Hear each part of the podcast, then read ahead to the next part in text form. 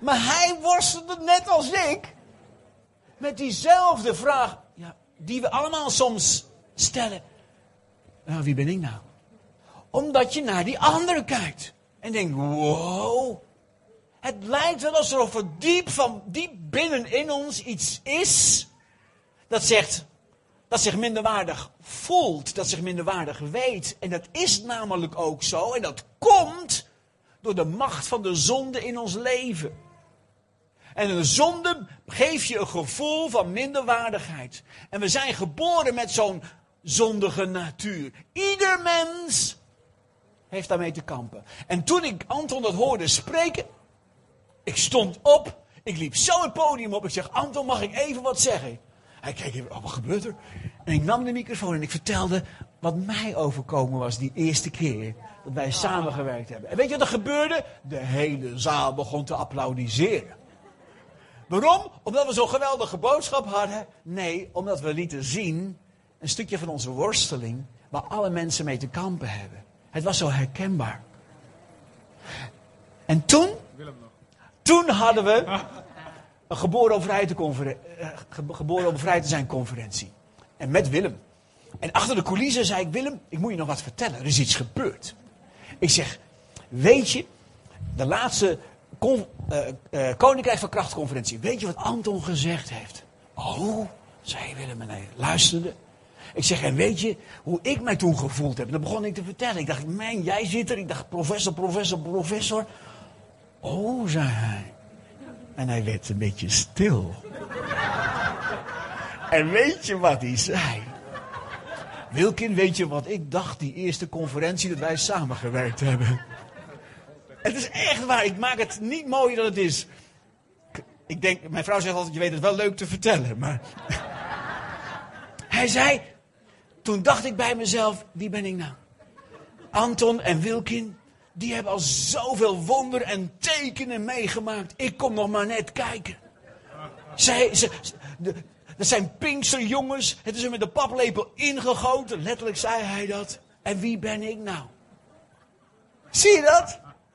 Ongelooflijk. Drie mannen die op een rijtje zitten. Die mogen dienen in Gods koninkrijk. En die allemaal die vraag stellen. Ja, wie ben ik nou? Wie ben ik nou? En ik denk dat Johannes dat ook heeft meegemaakt. Toen hij Jezus aan zag komen en hij, dan zag hij Jezus en dat hij dacht, wie ben ik nou? Maar dan gebeurt er iets. Als Jezus door Johannes gedoopt wordt en weer boven het water komt, dan gaat de hemel open. En Johannes ziet de Heilige Geest in de gedaante van een duif op Jezus neerdalen. En dan hoort hij, en iedereen heeft het gehoord denk ik, een stem die zegt, deze is mijn geliefde. Deze is mijn zoon, de geliefde. In wie ik mijn welbehagen heb. En dat zijn heel bijzondere woorden. Dit zijn existentiële woorden. En Jezus was 30 jaar toen deze woorden werden uitgesproken door zijn Vader in de hemel. Wist je dat in Joodse gezinnen, in Joodse families, er allerlei rituelen zijn die ook te maken hebben met leeftijd. 12-jarige leeftijd bar mitzvah. En op 30-jarige leeftijd, dan wordt de zoon in de familie bevestigd. Want dan, dan, dan wordt hij bevestigd door zijn vader met een zegen. Waarin die zoon ook het zoonschap ontvangt. Met verantwoordelijkheden met plichten, met eer. Als hij 30 jaar is. En weet je wat dan de natuurlijke vader zegt? Jij bent mijn zoon, de geliefde, in wie ik een welbehagen heb. Maar Jozef, de adoptievader van Jezus, was waarschijnlijk al gestorven en wat gebeurt er? De hemel gaat open. En de hemelse vader bevestigt zijn zoon met dezezelfde woorden. Dat moet Jezus geraakt hebben.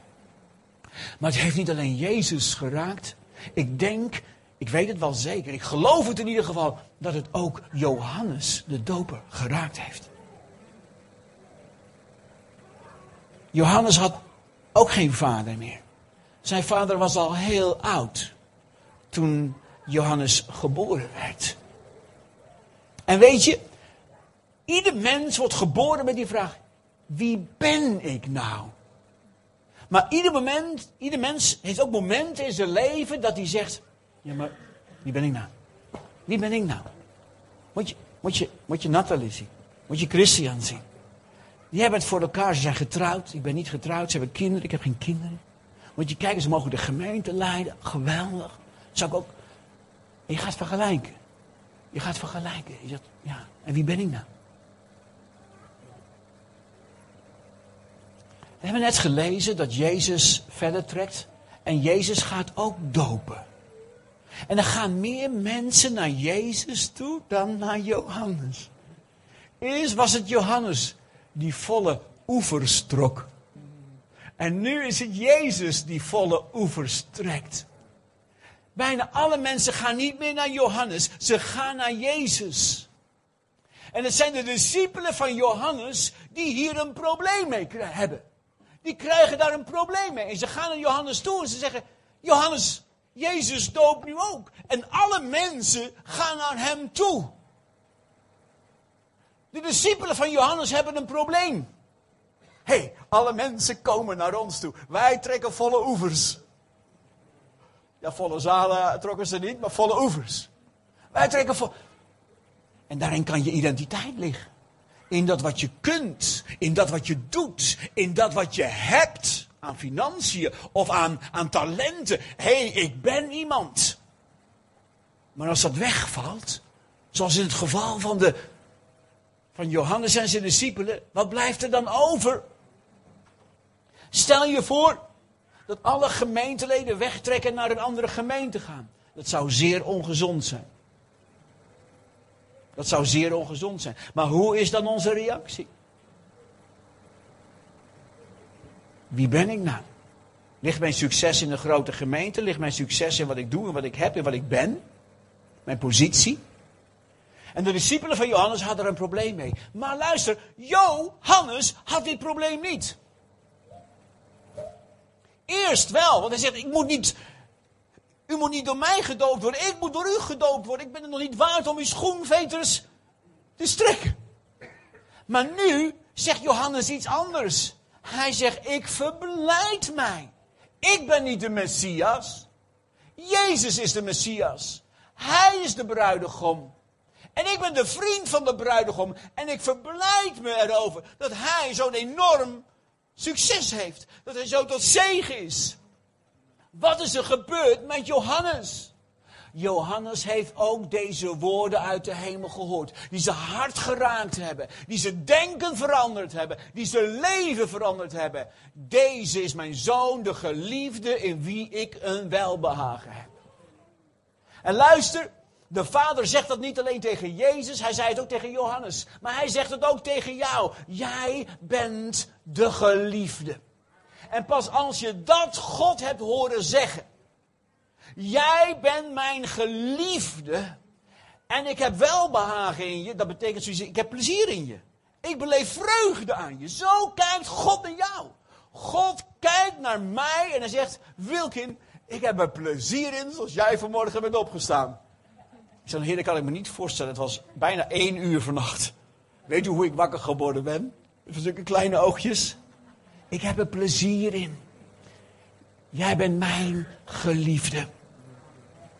Wie ben ik nou? De momenten dat we dat denken, ach wie ben ik nou? Laten zien dat die woorden nog niet diep genoeg verankerd zijn in ons hart. En dit is het meest wezenlijke van een kind van God zijn. Christen zijn heeft alles te maken met, ik ben geliefd door mijn vader. Een hele goede vriend van mij gaat binnenkort trouwen. Ik zal zijn naam niet noemen. Er mogen daggasten zijn. En hij zei tegen mij, hij is al wat op leeftijd, hij is drie jaar jonger dan ik ben. Hij is recht voor zijn raap. Dat hebben alle mensen die uit Rotterdam komen. En hij zei in een pauze, waarin we samenwerkten en achter de coulissen, zei hij... Weet je, Wilkin, toen ik jong was en ik tot geloof kwam, toen zei ik, Jezus, ik leef voor u. Jezus, ik ga voor u. Jezus, ik ga uw koninkrijk helpen bouwen. Jezus, ik ga er helemaal voor. Ik wil een radicaal christen zijn. En weet je wat hij toen tegen me zei? Het is nog maar heel kort geleden dat Jezus tegen me zei: Stop eens even. Stop eens even. Jij wil voor mij leven? Vergeet het maar. Jij leeft niet voor mij. Jouw geheim is, ik leef voor jou. Ik leef voor jou. Dat is je geheim. Want we zouden kunnen zeggen: Oké, ik ben nu de geliefde zoon van God. Ik ben de geliefde dochter van God. Weet je wat? Ik ga God lief hebben, joh. Ik ga God lief hebben als geen ander. Ik ga zo mijn best doen om God lief te hebben. Ik zie, ik ben een beelddenker. En dit is niet profaan bedoeld. Ik zie God al achter zijn oren krabben. Oh nee, heb je er weer eentje? Die gaat zo goed zijn best doen om mij lief te hebben. Wat zei Jezus in Johannes 15? Zei hij, heb me lief, heb me lief. Nee, hij zei, blijf in mijn liefde. Dat is een verschil. Dat is een levensgroot verschil. Blijf in mijn liefde. Wat betekent dat? Dat ik altijd van je hou, wat er ook gebeurt, wat je ook doet, wat je ook overkomt. Of je het goed doet of dat je het fout doet. Ik zal van je houden. En blijf in die liefde, dat ik altijd van je hou. Dat is je geheim. Blijf in mijn liefde. Hoe is het met jou? Heeft God tegen je gezegd wie je werkelijk bent, zijn geliefde? Ook wij, we kunnen heel, heel radicaal zijn. Wij kunnen heel, bijna extreem worden. Maar hé, hey, wat een rust ligt er in die woorden. Wilkin, je bent mijn geliefde. En ik heb heel veel plezier in jou. Wat je ook doet. Ook als je niks doet. En als we die woorden gaan ontvangen, dan stoppen we met onszelf te vergelijken met andere mensen. Willem, 130 boeken geschreven. Anton, die heeft zoveel zendingservaring, die heeft zoveel landen bezocht. Wie ben ik nou? Stop ermee jezelf te vergelijken. Dat doet je oude mens. Dat doet die zondige natuur. Die gaat je altijd vergelijken. Het is ook de duivel die er een schepje bovenop doet. Lees de Bijbel maar. Maria wil Martha zijn en Martha wil Maria zijn. En Aaron wil zijn als Mozes en Mozes wil zijn als Aaron. Ken je het verhaal van Mozes? Na 40 jaar schapologie heeft hij ontmoeting met God. En zegt God, ik heb jou geroepen. En wat zegt Mozes? Ja, wie ben ik? In Handelingen 7 kun je lezen dat 40 jaar daarvoor Mozes het idee had en het was ook wel ergens van God. Hij had wel de klok horen luiden, maar wist nog niet waar de klepel hing. Hij had wel zo'n vermoeden, maar hij deed het uit eigen kracht. Er staat, hij meende dat God hem geroepen had om het volk te verlossen. Maar hij deed het te vroeg. 40 jaar te vroeg.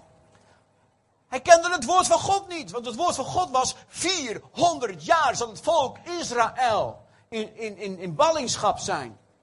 In slavernij zijn in Egypte. En 360 jaar na dat ze gevangen genomen zijn, zegt Mozes ook, oh, geloof dat God mij gaat gebruiken. En hij meende dat God hem zou gebruiken om het volk te verlossen. En dat was ook wel zo, maar niet op het juiste moment. Het gevolg was, een Egyptenaar vond de dood. Het gevolg was, de leiders van het volk Israël zeiden, wie ben jij? Dat jij, onze, dat jij de overste en, dat jij overste en rechter van ons volk zult zijn. En Mozes moet vluchten. Hij moet vluchten. En 40 jaar lang heeft hij geworsteld met die vraag. Ja, wie ben ik nou? Maar ook, wie ben ik nou? Ben ik een Hebreeër, een Jood, of ben ik een Egyptenaar? Ik ben een vondeling. En zat werkelijk God erachter? Ik weet niet meer of ik Gods stem nog wel kan verstaan. Want hij deed het uit eigen kracht. Hij had het wel ergens gehoord, maar hij heeft geen bevestiging gezien en ontvangen en gevraagd op wat hij deed. Hij wist niet wie hij was. Opgevoed aan het Egyptische hof. Weet je wat dat betekent?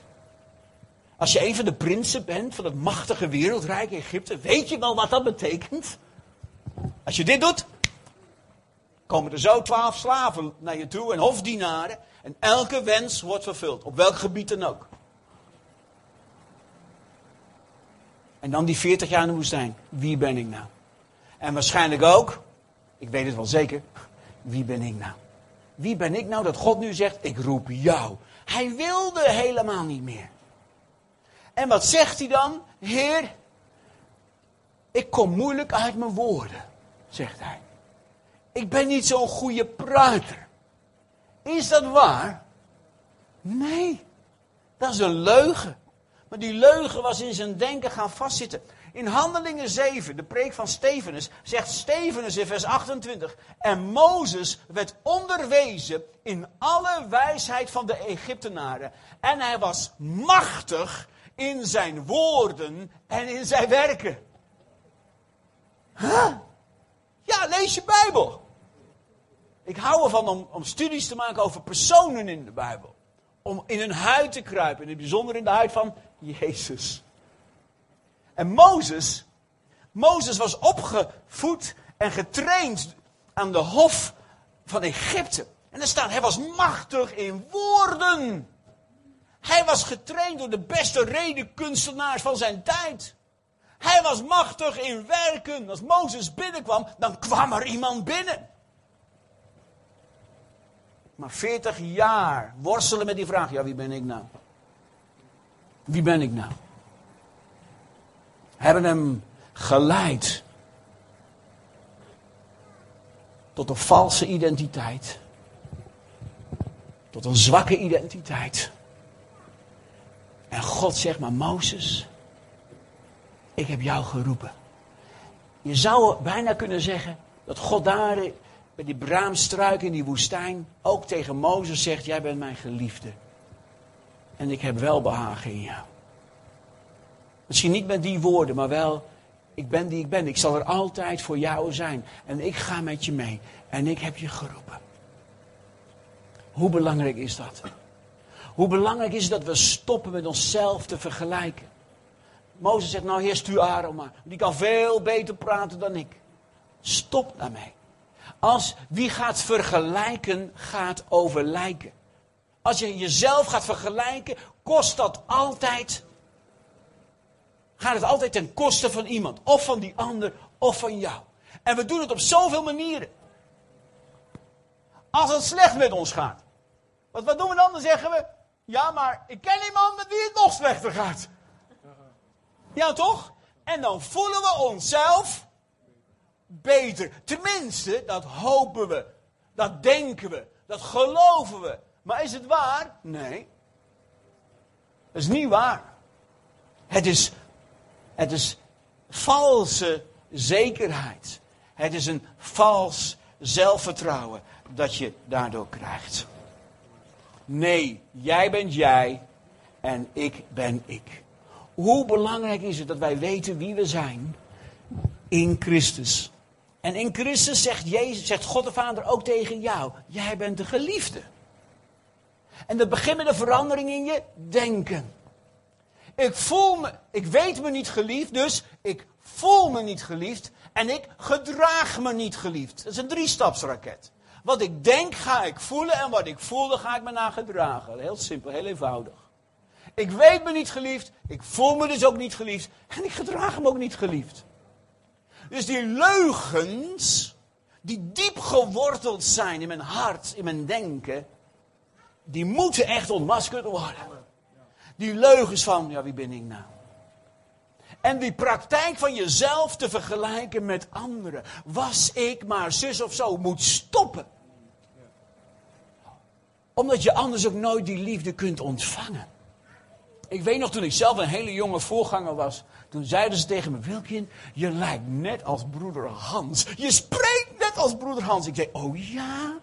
Spreek ik net als broeder Hans? Ik begon te lopen als broeder Hans. Ik begon me te bewegen als broeder Hans. Ik begon te spreken als broeder Hans. En luister, dat is niet erg voor een tijdje. Want dat doe je allemaal. Toch? Kinderen doen hun vader na. Toch? Ik zag Jeremy gek doen, dus dat moet hij ergens van hebben. Dat is...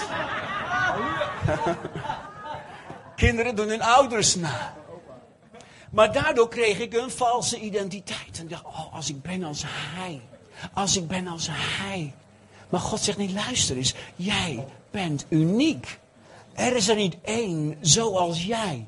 En ik heb een plan met je leven. En niemand kan dat stukje van mijn plan voor jouw leven vervangen. Alleen jij kunt dat.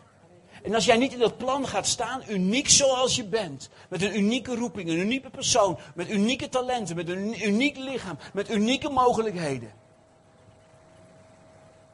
Als je daar niet in gaat staan, dan zal het altijd leeg blijven. En zul je ook altijd in die leegte wandelen. Weet je, het is zo belangrijk dat we daarmee stoppen. Met onszelf te vergelijken. Eh, iets meer dan een maand geleden zijn Aukje en naar Brazilië gegaan. Een, een, een, droom kwam uit. Ik heb Aukje ten huwelijk gevraagd, jaren geleden, meer dan 30 jaar geleden. En toen ergens in een bocht, ik weet nog precies welke bocht, heb ik toen tegen haar gezegd. Maar als ik je vraag om mee naar Brazilië te gaan, te emigreren, ga je dan ook mee? Dat was een moeilijke vraag. Want ze was enig kind, althans enig overgebleven kind. En dan je vader en je moeder achterlaten, die ook al wat ouder zijn, dat was niet makkelijk te beantwoorden. Maar ze zei ja. En nu, meer dan 30 jaar geleden, we zijn nooit in Brazilië geweest, zijn we samen naar Brazilië gegaan. Een uitnodiging. En uh, vrouw Aukje wist, daar moeten we naartoe gaan. En mannen moeten hun vrouwen gehoorzamen. Toch? Ze moeten naar de... Ja, zeker. En andersom ook. Vrouwen moeten ook hun mannen gehoorzamen. En weet je, we gingen daar naartoe om uh, acht teams van jeugd met opdracht in Belle Horizonti, Johan en Jeanette Lucassen, te bemoedigen. Een stukje training te geven. Zij werken met kinderen, met straatkinderen, straattieners. En dat is heel heftig. Heel heftig. En we kwamen daar aan en bij het eerste ontbijt, met extra veel broodjes, om je welkom te heten, zat Greet ook bij ons. En Greet zei, ik ben zo blij dat jullie er zijn. Want zij had ons eigenlijk uitgenodigd namens het team. Eh, ongeveer 80, 90, 91 precies eh, werkers. En ze ben zo blij. En weet je wat ze toen zei? God heeft jullie zo'n grote bediening gegeven, zei ze. En wie ben ik nou? Letterlijk zei ze dat. Dus die woorden, wie, wie ben ik nou, die ben ik de laatste tijd heel veel tegengekomen. Maar wie ben ik nou? En toen hoorden we haar verhaal. Samen met nog twee andere vrouwen leiding geven aan het meisjestehuis voor zwangere tieners. Vijf zwangere tieners. Drie jaar lang opgevangen, liefde gegeven, energie ingestopt, bij Jezus gebracht, voor gebeden, dag en nacht voor gewaakt. En alle vijf meisjes zijn na drie jaar teruggevallen. Resultaat? Zero, nul procent. En dan kan je denken, ja wie ben ik nou? Ik ben niet vruchtbaar. Ik ben niet productief. Maar luister, dat zijn twee heel verschillende dingen. Productief zijn is nonsens. Dat is taal van deze wereld. Vruchtbaar zijn is heel iets anders. Dat is de taal van Gods koninkrijk. En vruchtbaar zijn heeft te maken met de liefde van God de Vader. Die liefde ontvangen, beantwoorden en doorgeven. Onder de meest moeilijke omstandigheden misschien, maar dan word je vruchtbaar. Dan wordt Jezus in en door jou heen gezien en anderen zullen dat proeven. En wat ze daarmee doen, wie zal het zeggen? En toen de dinsdag, het was maandag dat ze dat zei. Je hebt zo'n grote bediening. Later hebben we gezegd, dat moet je niet zeggen. God heeft ons geen grote bediening gegeven, maar een grote verantwoordelijkheid. En dat is heel wat anders. Het gaat niet om bedieningen. Het gaat om verantwoordelijkheid. Het gaat niet, luister goed, om invloed uit te oefenen. We hebben de laatste jaren heel veel gehoord. We moeten invloed uitoefenen als kerk. Ik ben er een beetje van teruggekomen. We moeten geen invloed uitoefenen. We moeten verantwoordelijkheid nemen. En wie de verantwoordelijkheid op zich neemt, of het nou voor één is of voor duizend, die heeft invloed. Want invloed hebben laat iets zien van, oh, kijk eens wie ik nou ben. Positie, ambitie, macht. Verantwoordelijkheid nemen laat iets zien van de liefde van de Vader in ons leven. En de tweede dag van de conferentie brak aan in Brazilië. En ik sprak over de liefde van God. En ik zei, je mag niet de straat op gaan als je niet vol bent van de liefde van God. God wil niet dat je naar de straatkinderen gaat zonder dat je overstroomt van zijn liefde. En Greet stond op en ze is hartverscheurend weggelopen. De, de vrouw van de directeur van de basis liep met haar mee. Hartverscheurend. Drie jaar geïnvesteerd. En dan. Maar er kwamen nog meer momenten.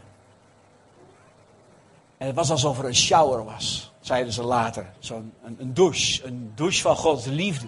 Die die hele, al die, al die teams gewoon doordrenkt heeft met de liefde van God de Vader. En woensdag zei ze, ik zei, we gaan ook nog de straat op. Want we hadden al heel veel acties ook met hen ondernomen in, in, in, in sloppenwijken en noem maar op. Maar ze gaan ook nog de straat op met, naar de straatkinderen. En toen zei ze, een van die straatkinderen heeft mij gedreigd te vermoorden. Het vriendje van een van de meisjes uit ons huis. En toen dacht ik even, nou ja, hey, it's a kid.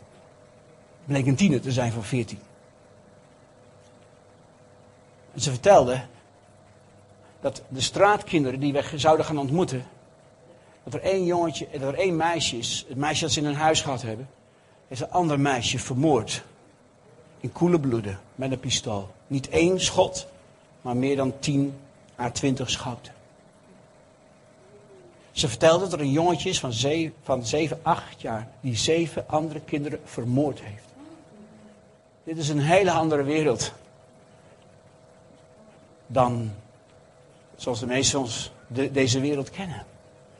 En ze was bang. Logisch. In mijn Bijbel staat, 1 Johannes 4, vers 18, de volmaakte liefde drijft de vrees uit. En wat gebeurde er? God kwam met zijn liefde. En hij zei, jij bent mijn geliefde dochter gereed. En ik heb heel veel plezier in jou. Of je nou productief bent in je eigen ogen of niet. Mijn liefde maakt je vruchtbaar. En er gebeurde iets. Donderdagmorgen zei ze, ik ga vanavond met jullie mee de straat op. En Oudje en ik zijn met haar en onze zoon Carlos, die was overgekomen. Om ook te leren van wat ze daar allemaal doen. We gingen de straat op. En we zagen eerst drie politieauto's met sirenes. En ik denk, oh gunst. En die stonden 50 meter van 25 straatkinderen af en staken geen hand uit. Kinderen van 6, 7 jaar oud die 24 uur per dag op straat leven. Op een kartonnetje slapen. Een dekentje. Die 24 uur per dag stoned zijn omdat ze tinner snuiven. 24 uur per dag onder invloed zijn. En dan denk je even, wow. En we knielden neer. Zij, zij knielde met mij neer bij het meisje, een van de meisjes. Een van die meisjes, een van die zwangere meisjes. Haar kindje was inmiddels verloren was van haar afgenomen, in, in die zin. En ze lag daar op de grond en ze was zo ziek en ze zag er zo slecht uit. En die jongen, die haar opnieuw nu zwanger gemaakt had, lag naast haar. En hij was ook onder invloed. De jongen die gezegd had, en ik ga je vermoorden. En dat zijn geen, eh, geen loze dreigingen. En wat deed Greet? Ze knielde neer en ik knielde naast Greet neer. En ze begon eerst met dit meisje te praten. En ze liet een foto zien. Van toen ze nog in het tehuis was. Hoe gezond ze eruit zag. En ze zei, kom terug. God houdt van jou. Je bent zijn geliefde dochter. Meisje begint te huilen. En meisje loopt weg. En wij zitten nog steeds geknield. En ze pakt de handen van die jongen vast die haar gedreigd had te vermoorden. En, hij, ze keek hem aan. En weet je wat ze zei? Jij gaat mij niet vermoorden, zei ze. En ze sprak met een autoriteit, jongen. Ik zat ernaast, op mijn knieën. En ik mocht meebidden. Ik mocht ook bidden voor ze. Maar weet je wat ik dacht op dat moment? Wie ben ik nou? Echt waar. Dat gevoel kwam weer naar boven. Wie ben ik nou? Moet je kijken. Wat een liefde en een toewijding voor kinderen waar niemand naar omkijkt. Hoezo productief? Zij is zo vruchtbaar omdat ze uitdeelt van de liefde van God. Voor iemand die zelfs misschien nooit gered zal willen worden. En toch, Op dat moment voelde ik zo de liefde voor God stromen. Door, door Greet heen. En natuurlijk wist ik, nee, ook ik ben zijn geliefde zoon. Ook ik ben zijn geliefde kind. Stop met vergelijken. God roept je in de eerste plaats om zijn geliefde te zijn. En in de tweede plaats om van daaruit ook andere mensen die liefde door te geven. Maar alleen in die volgorde. Stop met jezelf te vergelijken. Zullen we samen gaan bidden? Zullen we gaan staan?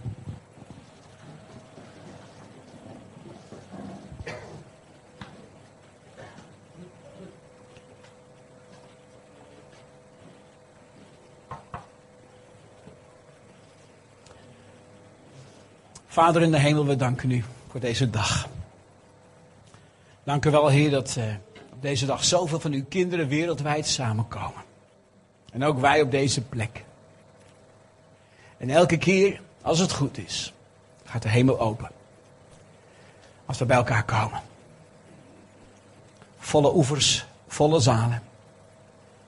Hier soms, hier bijna lege zalen.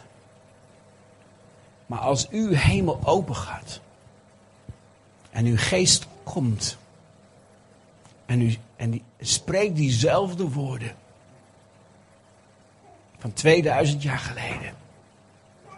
Jij bent mijn zoon. Jij bent mijn dochter. Jij bent de geliefde. En ik heb een welbehagen in jou. Jij bent mijn vreugde. Ik, ervaar vreugde als ik naar jou kijk, zegt God.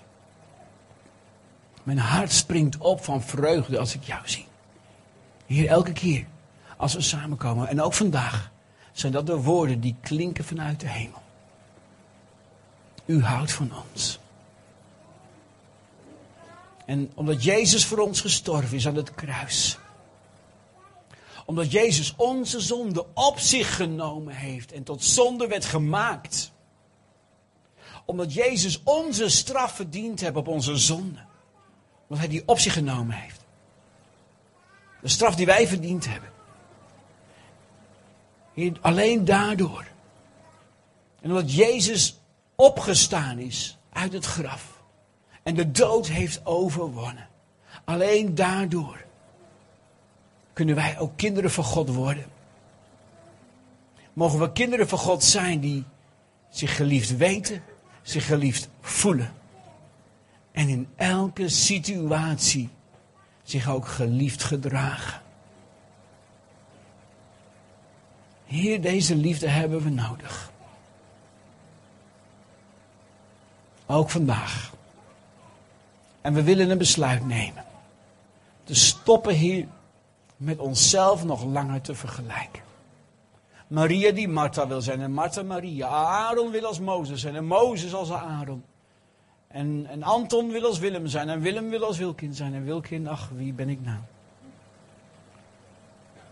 Heer, willen daarmee stoppen. Heer, willen daarmee stoppen. Willen het besluit nemen. Heer, om die woorden van u te ontvangen, echt aan te nemen. Ja, als u zegt dat ik geliefd ben door u, dan omarm ik dit als een waarheid. Die mijn hart zal veranderen. En mijn leven zal veranderen. Dank u wel, Heer Jezus, dat u gekomen bent. Zodat deze woorden ook werkelijkheid worden in ons leven. In Jezus' naam. Amen. We gaan het ook uitspreken. We gaan het, we gaan, mogen wel de gitaristen en band en mag wel naar voren komen. We gaan het ook in praktijk brengen. Dat kan niet anders. Het kan heel kort. We gaan gewoon uitspreken met elkaar een gebed waarin we zeggen: Ja, Heer, ik neem het besluit dat ik stop mezelf te vergelijken met anderen. Er is niemand in deze zaal die dat niet doet. Niemand. En ik daag je uit om het gewoon met mij te zeggen. Om in geloof dat ook in ontvangst te nemen. En ik neem die woorden aan dat ik uw geliefde ben. En dat u blij bent als u naar mij kijkt. Zodat ik me ook zo zal gaan gedragen en dat ik vruchtbaar kan worden. dan gaat het er niet meer om om productief te zijn. Ik sprak, ik sprak iemand en die was hoofdagent. Dit verhaal hoorde ik van een, zijn, van een familielid. Hij was hoofdagent bij de politie. Een belangrijke job. En toen kreeg hij kanker. En hij lag op bed. Chemo. En hij kon niets meer. En toen dacht hij, wie ben ik nou? Ik ben niet meer productief. Want in onze wereld, in deze wereld waarin we leven, moet je productief zijn. Er moet rendement zijn. En het moet zichtbaar worden. Daarom liep Greet huilend weg. Waarom? Dat had te maken met een leugen in haar denken. Je bent niet productief. Wat een leugen. Wat een leugen. Dat is niet waar. En deze politieman lag op bed. En hij werd helemaal depressief. Ik ben niet productief. En toen hoorde hij een boodschap over wie je bent in Jezus Christus. En dat dat niets te maken heeft met wat je doet, wat je hebt of wat je kunt. Maar dat het alleen maar te maken heeft met wie Hij is en zijn liefde voor jou. En daarin ligt je identiteit. En God raakte zijn hart aan op zijn ziekbed en veranderde hem. En mensen kwamen op zijn ziekbed. En hij begon daarvan te vertellen. God houdt van mij. En dat is het belangrijkste, heb ik ontdekt in mijn leven. Maar God houdt ook van jou. En notabene, op zijn ziekbed kwam iemand tot geloof in de Heer Jezus. En hij ontdekte, het gaat er niet om of ik productief ben, maar of ik vruchtbaar ben. En dat is een heel ander verhaal. Dat is een heel ander verhaal. En daarom gaan we dat uitspreken. Met elkaar, als je dat wil. Ik stop met mezelf te vergelijken. Ik wil afrekenen met deze leugens in mijn denken. En dat is luistergoed niet zomaar een moment en de Heilige Geest komt tjaka. Echt niet. Het is leugens inleveren. Ook als de leugenaar weer terugkomt, de vader van de leugen zegt: ah, ah, ah, ah, dat is niet de waarheid. Het is je ontworstelen ook aan die valse identiteit. Echt waar. Elke dag opnieuw zeggen, maar ik ben zijn geliefde. Zullen we dat uitspreken? Als je wil, spreek dit gebed maar na. Vader in de hemel, dank u wel voor de Heer Jezus. En uw woord over hem uitgesproken is ook een woord voor mij. Omdat ik in hem geloof. Als mijn redder. Als mijn verlosser. En omdat ik in Christus ben, gelden ook deze woorden. Ik ben uw geliefde. U beleeft vreugde aan mij. Heer, ik wil deze woorden ontvangen. En elke leugen ontmaskeren. Want in Christus ben ik uw geliefde. En ik neem vandaag het besluit om mijzelf niet langer te vergelijken met andere mensen. Dank u wel dat u mij gemaakt hebt zoals ik ben. Uw geliefde zoon, uw geliefde dochter. En dit woord ontvang ik als zaad in mijn hart. En dat zaad zal opkomen. En uw liefde zal sterker worden. En veel vruchten voortbrengen. Zodat ik vruchtbaar zal zijn. Onder alle omstandigheden. Dank u wel, Vader. Dank u wel, Jezus. Dank u, Heilige Geest. Dat u dat doet. Ook in mij. Amen. Amen. Zie je hoe belangrijk het is? En het is je ontworstelen hoor. Want morgen vroeg kun je opstaan met de gedachte: ach, wie ben ik nou? En dan is het dat je het woord vasthoudt. En zegt: oh, wacht eens even. Hé, hé, hé. Die leugen die hoort niet bij mij. En ik ga nu iets anders uitspreken. Ik ben zijn geliefde. En dan mag je inderdaad anders gaan lopen, anders gaan spreken. Net als Jezus liep en sprak. En je bewegen zoals hij zich bewoog. Amen. Gaan een lied zingen. En dan gaan we nog één stapje verder. Dat doen we ook graag. En dan gaan we bidden voor degene die dat willen. Die zeggen, ik wil graag dat dat zaad van Gods liefde opnieuw of voor het eerst in mijn hart gezaaid wordt. Dat heb ik nodig. Misschien een persoonlijk woord. Nou, dan zijn er anderen in ons midden die voor je gaan bidden. En die misschien ook een persoonlijk woord voor je hebben om je te bemoedigen. Om te versterken dat wat God ook wil doen in jou. Ja? Dus als je dat wilt, dat wil ontvangen, dan mag je tijdens het lied naar voren komen. Dank u wel, Jezus.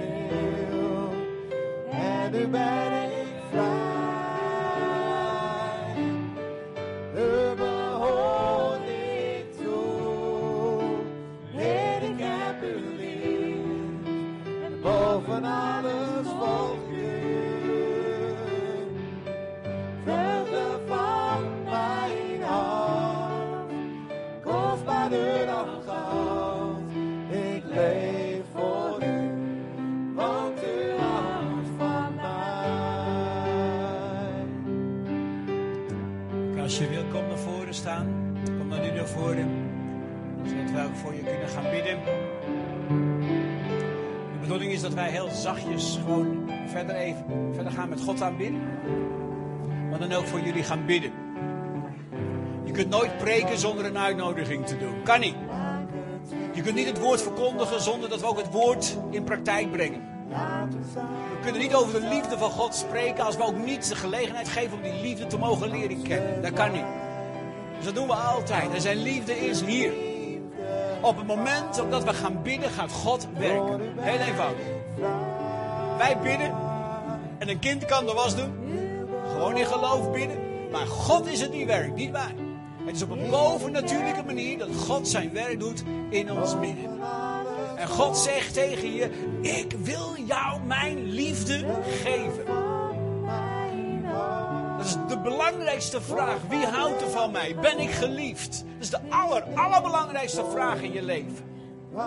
En zoveel christenen spreken over de liefde. Ze lezen over de liefde. Ze zingen over die liefde. Maar ze kennen die liefde nog niet. En God zegt: En ik wil het geven. Dat is het belangrijkste wat je kunt ontvangen. Dit is, het, dit is het evangelie. Zijn liefde ontvangen, beantwoorden en doorgeven. Dat is het evangelie van Jezus. Meer is het niet. En dan kun je een vervuld en een waardevol leven leiden. Ja. Dus als je dat wil, kom erbij staan. En dan doen we het zo. Moet je even heel goed luisteren. Iedereen die gebed wil ontvangen, doet zijn handen open. Zo. Ongeveer. Je hoeft niet helemaal zo te staan, want daar word je altijd moe van. Als je dat wil, mag het hoor. Je mag het doen zoals je het zelf wil, maar gewoon heel ontspannen. Open je handen. Ik ga zo meteen voor jullie bidden. Voor de hele groep. Maar daarna gaan de andere mensen die dus dan zien wie wil ontvangen, die gaan voor jullie bidden. Misschien heb je een persoonlijk woord voor iemand. Spreek dat woord uit. Ja? En zegen gewoon wat de Heilige Geest gaat doen. Zullen we het afspreken, ook de bidders? De mensen die mee gaan bidden? Ja? Zijn er nog meer mensen die erbij bij, bij willen komen staan? Je mag ook op je plaats blijven staan hoor. Ook daar kan God het doen. Gelukkig wel. Richt je ogen op Hem en op Hem alleen. Dank u wel, Jezus. Voor. Oké, doe je handen maar open als teken. Als teken van dat je hart open is, mag je ook je handen ontvangen, openen. Vader, we danken u. We hebben allemaal uw liefde nodig. Je dank u wel voor deze mannen en vrouwen die naar voren zijn gekomen. En gezegd hebben, maar ik wil nog meer ontvangen. Of misschien voor het eerst. Heer, dank u wel. Dat u zegt, jaag mijn liefde na. Jaag mijn liefde na. Heer, u kent alle levensverhalen. U kent de harten. U kent onze geschiedenis. Heer, u, u, u weet hoe wij denken over onszelf, hoe we onszelf vergelijken. Heer, hoe we allemaal diep van binnen dat hebben. Allemaal. Ach, wie ben ik nou? Heer, maar als u gaat spreken, ook vanmorgen. Deze woorden, je bent mijn geliefde Heer. Als de hemel open gaat en uw geest daalt neer. Om de liefde uit te storten in onze harten. Heer, dan verandert die vraag. Heer, in een uitroepteken. Kijk eens wie ik ben. Door Jezus en in Jezus. Ik ben ook de geliefde van mijn Vader. En daarin blijf ik. En daarin blijf ik in zijn liefde. Want hij is altijd trouw.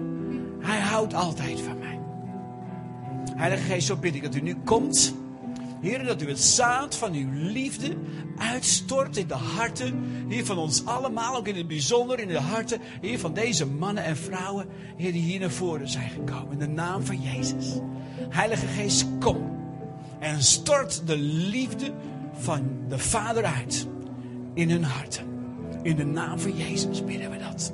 Heer, dat uw mantel van liefde hier over hen uitgespreid wordt. Dat u zegt, zie de tijd van de liefde is voor jou aangebroken. En ik gaf alles aan jou, voor jou. Zodat je de liefde van mijn vader mag ontvangen in de naam van Jezus. Hier dank u Heilige Geest, dat u dat doet. Nu, op dit moment. In de naam van Jezus. Amen. Mag ik de mensen van het gebed vragen gewoon te bidden voor de mensen. Degenen die hun handen open hebben, hebben aangegeven dat ze graag ook gezegend willen worden. En wij gaan gewoon door Jezus staan bidden. Vreugde van mijn hart. Maak ons vol van uw vreugde. Vreugde